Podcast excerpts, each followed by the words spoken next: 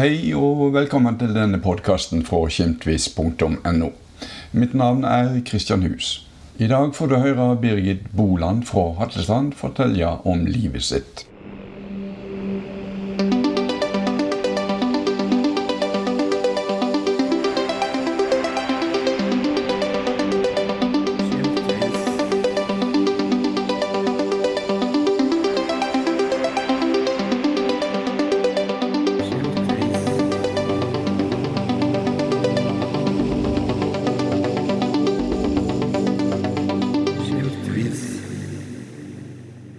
I dette intervjuet får du høre Birgit Boland fra Hatlestrand, som i 2015 var med i boka 'Godt voksen'.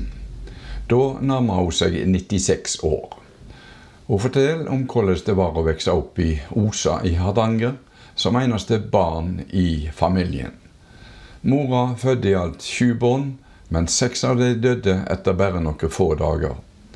Det var en tragedie, kan du vite, forteller Birgit i dette intervjuet.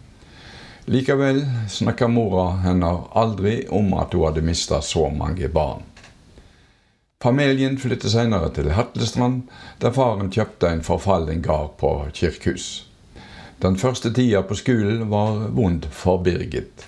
Hun snakka hardingadialekt og ble erta pga. det. Men læreren gjorde ingenting for å stoppe mobbinga. Birgit og mannen Leif Boland drev butikk på Hatlestrand i mange år. Hun døde på 97-årsdagen sin den 12. februar 2016.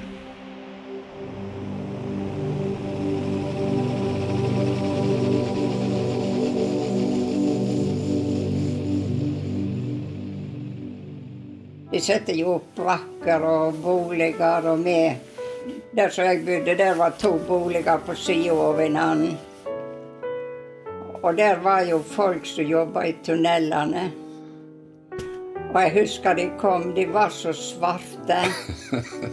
Og så kom de med hver sin karbidlykt med seg, og den hengte de på veggen, husker jeg. Oh. Og ikke var der vann inne, og ikke var det utslagsvasker, og ikke noen ting. Så jeg, har tenkt på det nå, at eh, de satte jo opp et vaskehus, og der var ei stor jerngryte. og Der brukte de jo til klesvask. sånn. Antagelig så måtte de opp der når de skulle vaske skitten seg. Ja, ja, ja, ja, ja. Nei, det var fælt.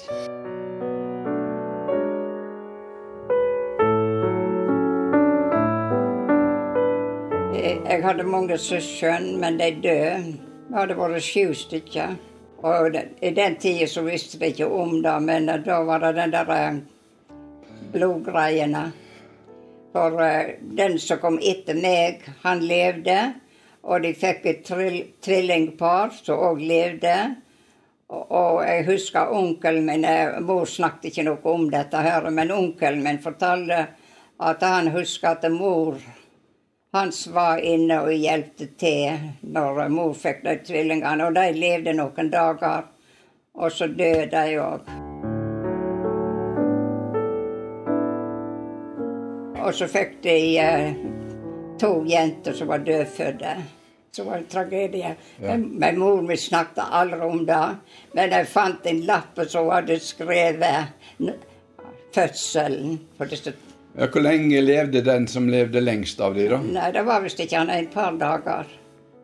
Så du har vokst opp som ei, et enebarn? Ja, det har jeg. Ja. Skulle vel være godt utskjemt, antagelig. men jeg tror ikke jeg er det, men jeg er egen. Men jeg er veldig egen. Er du egen? Ja. Du, du har alltid fått gjort hva du har vilja? Men sånn, er ikke bedre. Oh. Han liker like egen. dette skulle han hørt. Å, kan jeg gjøre? Nei, så det har vært litt apart.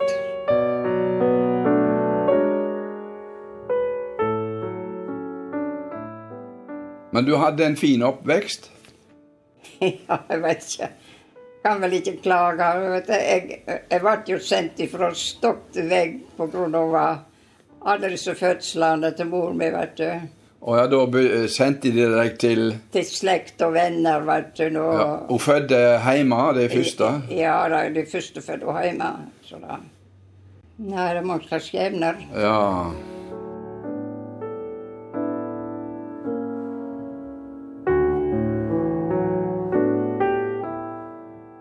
Han som kjøpte med gard, ja. Det var svårt med fortjeneste, men det var plenty arbeid. Her på kirkehus. Ja, Smått med med fortjeneste.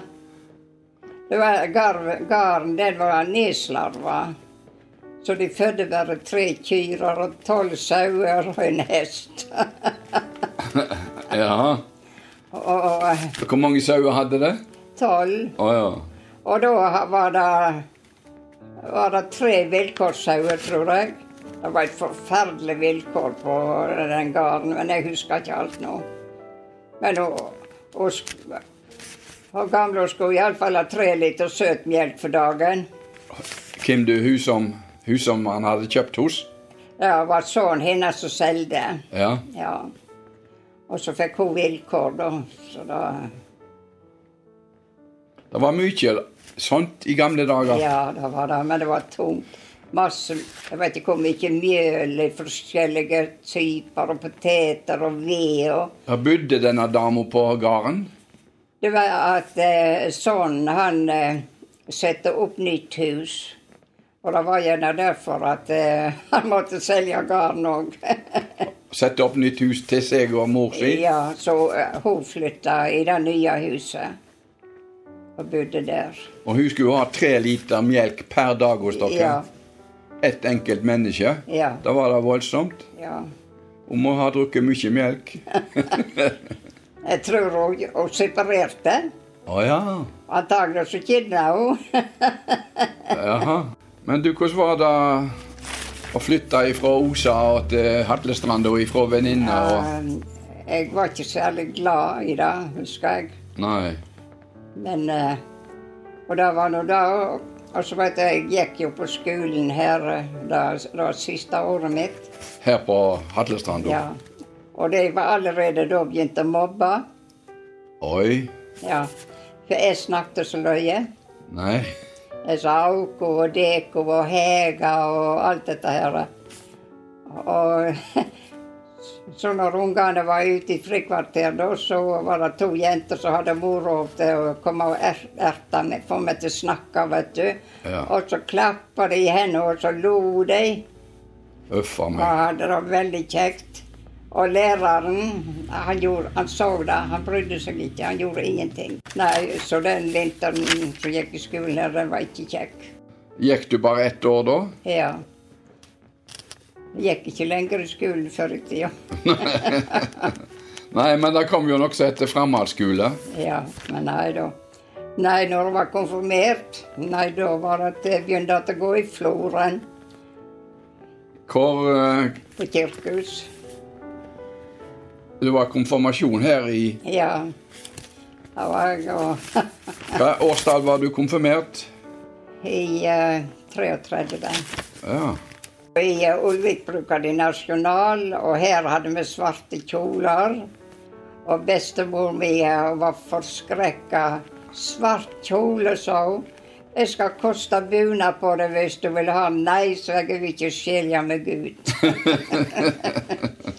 Var det noe problem med å finne tøy til å sy kjole av? Nei, jeg, jeg veit ikke. Men det er klart nå skrapa jeg sammen så jeg fikk kjole og kåpe og sko. Så du ble fullt opp dressa? Og eh, skoene mine kosta tolv kroner. Å, hjelpe meg. Men det var fine, svarte sko med, med regn over. Ja, var det, var det stas å bli konfirmert? Ja, vi syntes vel det var kjekt å bli voksen, vet du. uh. oh, ja, ja. Men da måtte du jo til å arbeide Ja, på gården. ja da. Så det var ikke noe, kjære mor. Er det til en veldig tru? Det var vann i trebytter. Tungt. Vi hadde så lite råd at vi kunne ikke kjøpe sinkbøtter. Det var fråtseri.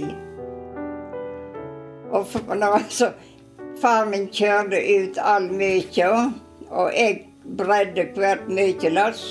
Å, hammen. Hvor stor var denne gården, da? Nei, han var ikke så stor. Vi fødte jo bare tre kyr. Å, ja, ja, ja. Ja. men- gården var vid, det var han, men det var mye flater og hauger og nakker innimellom. Ja, Dreiv han med nybrottsarbeid òg? Han prøvde nå. Han dyrka, husker han han dyrka opp ei myr. Det var det første han gjorde. Mm. Og de som spadde opp myrene, eller veitene på myra, jeg tror de hadde fire kroner dagen. Det var det. Og så fikk de middag, husker jeg.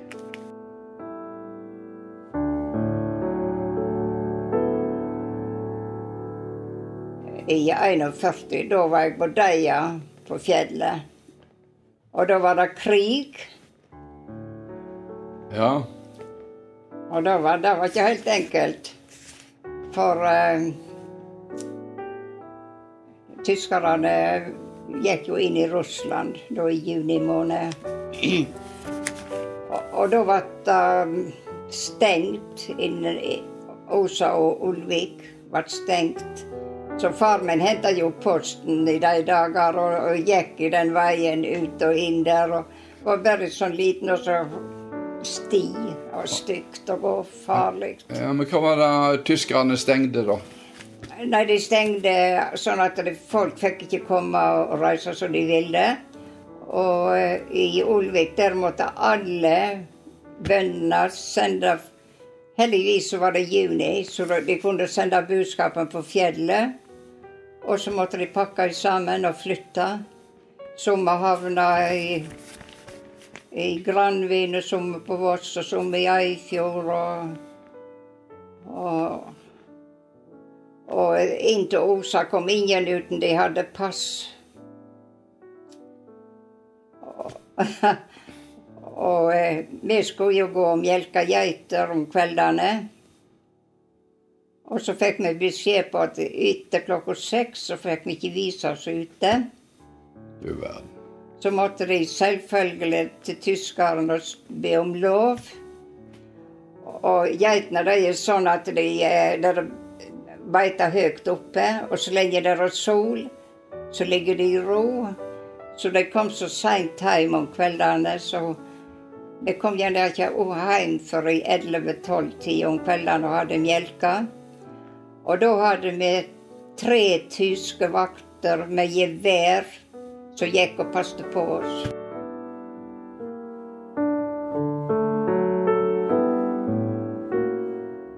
Jeg har opplevd veldig mye. Ja. Har du skrevet bok? Nei, det har jeg ikke. har du ikke skrevet notatbok? Nei. Nei, men jeg har fortalt litt, ja. Ja, ja og um, den sommeren når jeg var på Deia i 41, da var jo jeg forlova. Så var det avtalen da at eh, han skulle komme og besøke meg. Og han kom jo opp i dette her og da det var stengt. Ja. Dette visste han ikke om. Og så når han kom til Granvin, da, så kom han i snakk med noen som skulle til fjells og spurte hva han skulle ja, Han eh, skulle til Osa, han skulle besøke meg. Så ja, men du kommer ikke i land på Osa hvis du ikke har vært til Tyskland og fått et pass. Det, det var på hotellet i Granvin. Han visste ikke om Ja, så ble det avtale med han, da, eller med dem, at han De gikk med oppretta bukser og hadde svære staver, vet du. At han skulle blande seg med dem. Og således kom han seg i land i Osa. Ah. Så var han der en dag, da, så eh, skulle han følge onkelen min til fjells. Og det var nå greit nok. Men det var stengt sone der som stølen var. Så var det problemet. Man kunne ikke gå på Hallingskjær stasjon og gå på toget.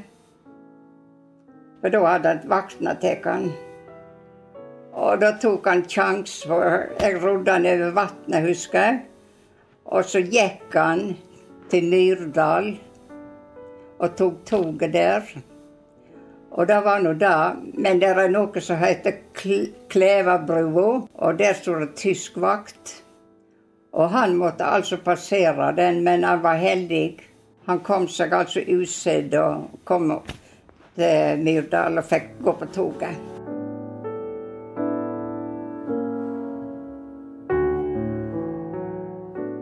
Tid, eh, traff du han, da? Han traff jeg første søndagen etter å komme her.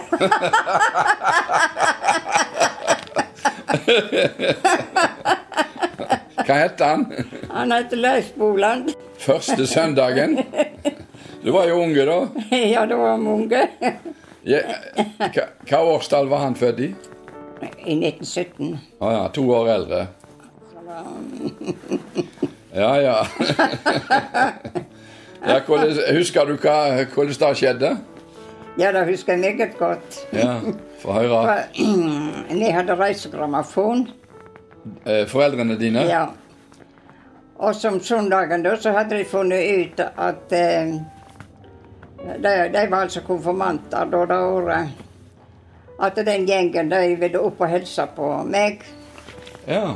På denne nye jenta? Ja. Og så tok vi grammofonen med oss og gikk opp i en bjørkehaug. Ja. Og satt der og spilte grammofon. ja da. Så det var mange av disse jentene som var konfirmerte, som var med der, og husker jeg. Så det...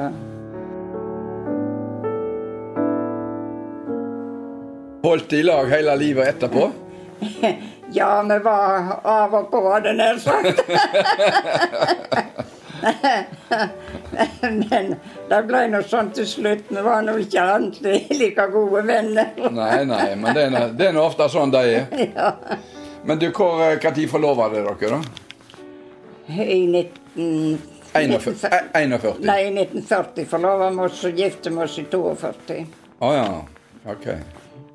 Og da var vi på lensmannskontoret i uh, Rosendal. Og gifte dere? Ja, det var ikke lovlig som noe annet. Og så var vi i kirka etterpå. I Rosendal? Ja. Ah, I 42? ja. Fikk ikke prestene drive vigsel? Nei, det var ikke med da.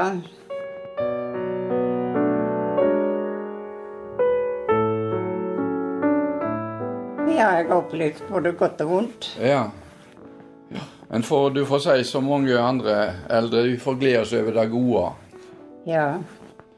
Og, og ikke ergre seg over det. Så, Så da. Nei, jeg har jo hatt mange gode dager òg, det er ikke det. Og så har jeg vært velsigna med et godt humør. det merker jeg. Så da...